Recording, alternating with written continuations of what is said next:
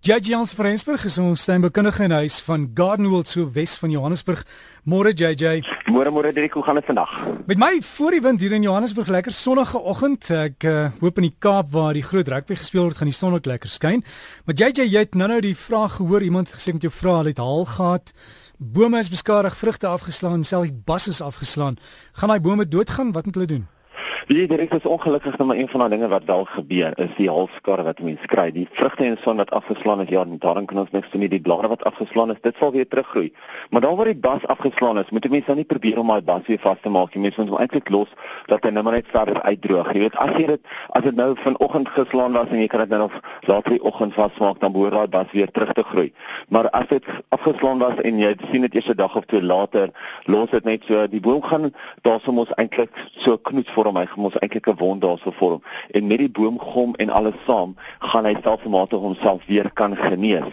Maar wat baie mense nou doen is hulle gaan hulle smeer nou al die allerlei ander produkte daarop om te keer dat hy nou vrot en dit en dat en die volgende, maar dan veroorsaak hulle eintlik dat hy baie vinniger wegvrot. So los hom eerder net so en dan weet jy hy sal droog word, hy sal homself genees, daai boomgom sal daarso uitpeel en dit is homself gaan genees. Glad nie 'n probleem nie. JJ iemand sê ook hulle het een van hierdie broodbome die is dit die revolute wat hulle vra of hulle die ou blare nou maar kan afsny. Ja, definitief, dit is die Revolutas. Dit is jou Japaneese saagopalms en ja, jy kan al die ouer blare kan jy afsny want jy behoort nou nuwe blare vinnig te kry wat op die kroon gaan deurkom. Onthou net as hy nuwe blare kom, moet jy jou bome goed nat maak en gereeld nat maak sodat hy wel daai nuwe blare kan ondersteun. Maar daar onder sy ou twee rye, drie rye blare kan 'n mens sonder 'n probleem heeltemal afsny. Hulle beteken eintlik niks meer vir die plant nie. Ek sê altyd los maar net die laaste ry en dan daai nuwe ry blare wat gaan deurkom, dan weet jy jy gaan pragtige nuwe plant hê. JJ die res van die tuin moet ons wat nou doen?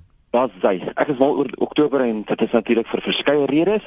Alles ontplof in kleure en ek het al gepraat van die rose wat blom, die jacarandas wat nie meer as onkruid geklassifiseer word nie en so voort. Is jy is jy ernstig oor die oor die jacarandas? Ja nee, hulle is nou weer as gewone bome, jy kan hulle nou weer plant en hopelik gaan ons nou weer baie meer van hulle kan sien. En net voor die aangaan jy ek het ook gehoor die is dit die tipiano, dis daai bome wat daai uh saaitjies maak wat soos 'n helikopter propeller kan afgaan. Hulle is hulle is ja, onkruid, né? Nee. Ja, sy, dis dit is een van die onkruide wat ongelukkig nog steeds nog baie voorkom. Dis al ene wat baie mense nou nie ken nie. Soos jy sê, hy maak 'n groot helikoptersaadjies wat so onder toe val.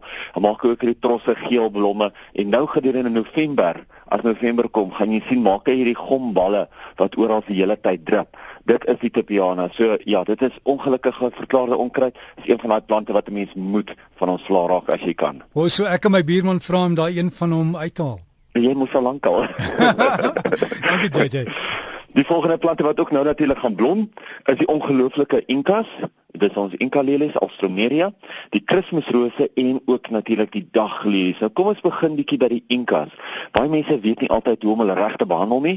Ja, die Incas hou van volson. Mense kry verskillende variëteite. Party groei hoër, party party groei laer as ander en jy kan ook enkas gebruik sommer wat jy uit jou tuin uit pluk as 'n snyblom binne in die huis. Die belangrikste een is natuurlik as 'n mens daai enka pluk of as 'n mens ou blomme in die tuin het wat 'n mens van wil ontslaa raak, moet 'n mens jou hand lekker diep langs die plant insteek en daai stam, daai stingel uitbreek.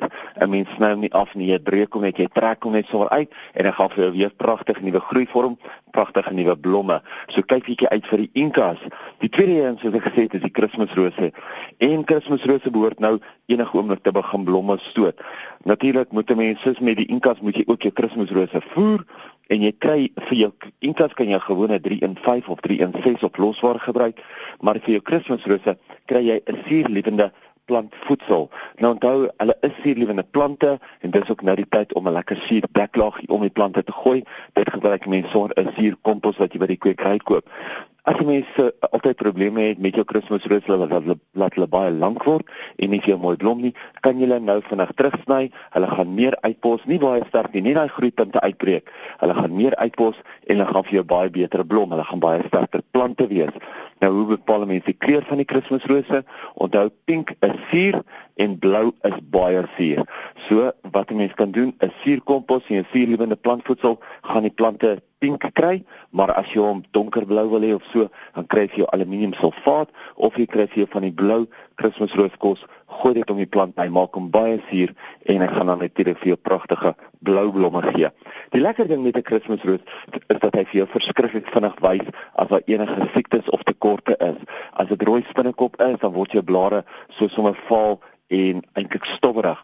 As dit enigstens 'n stikstoftekort is, dan sien word jou blare 'n bleekgroen. As daar so klorose is, dan sal jy sien jou aardjies van jou blare bly, bly groen, maar die eintlike blaarsel word geel. So kan 'n mens baie vinnig bepaal wat skort by my Kersrose. So vat 'n blaar in na kweekry ek dis jy sê altyd sit hom binne 'n plastiese sakkie om seker te maak dat jy nie die siektes versprei nie. Vat hom na kweekry toe en gaan kyk en vra hulle wat is fout met my plant. Die laaste een soos ek gesê het is die daglelies en die daglelies gaan nou pragtig blom in November.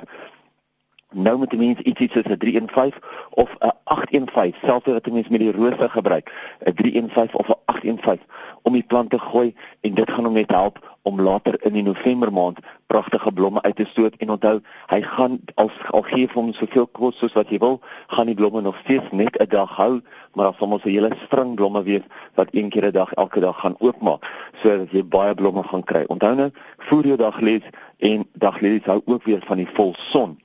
Potplante vir al jou bonsais moet nou baie gereeld nat gemaak word. Baie van die baie gedeeltes van die land het al baie reën gehad, somerreën gehad, maar baie gedeeltes is nog baie warm en baie droog. En mens moet nou kyk na jou potplante. Vir al jou potplante wat in die son staan, laat jy hulle gereeld nat maak en goed nat maak. Ek sê altyd ons goeie potplante twee keer nat. Gooi hom nou nat, gee hom so 'n halfuur wat kans dan gooi hom weer nat. Dan sal jy sien hou die vog op baie langer en jou plant word baie beter benat. Bonsai is nou weer een van daai en jou kleiner potplante wat 'n mens een keer elke 2 weke of so eintlik in 'n emmer water kan druk, laat hy bietjie daar kan staan en baie water kan absorbeer en die grond so behoorlik kan laat maak. So JJ mense wat jou wil e-pos is JJ by gardenworld.co.za en jou Facebook Facebook gaan soek vir Garden World Nursery en jy sal ons baie maklik daar kry.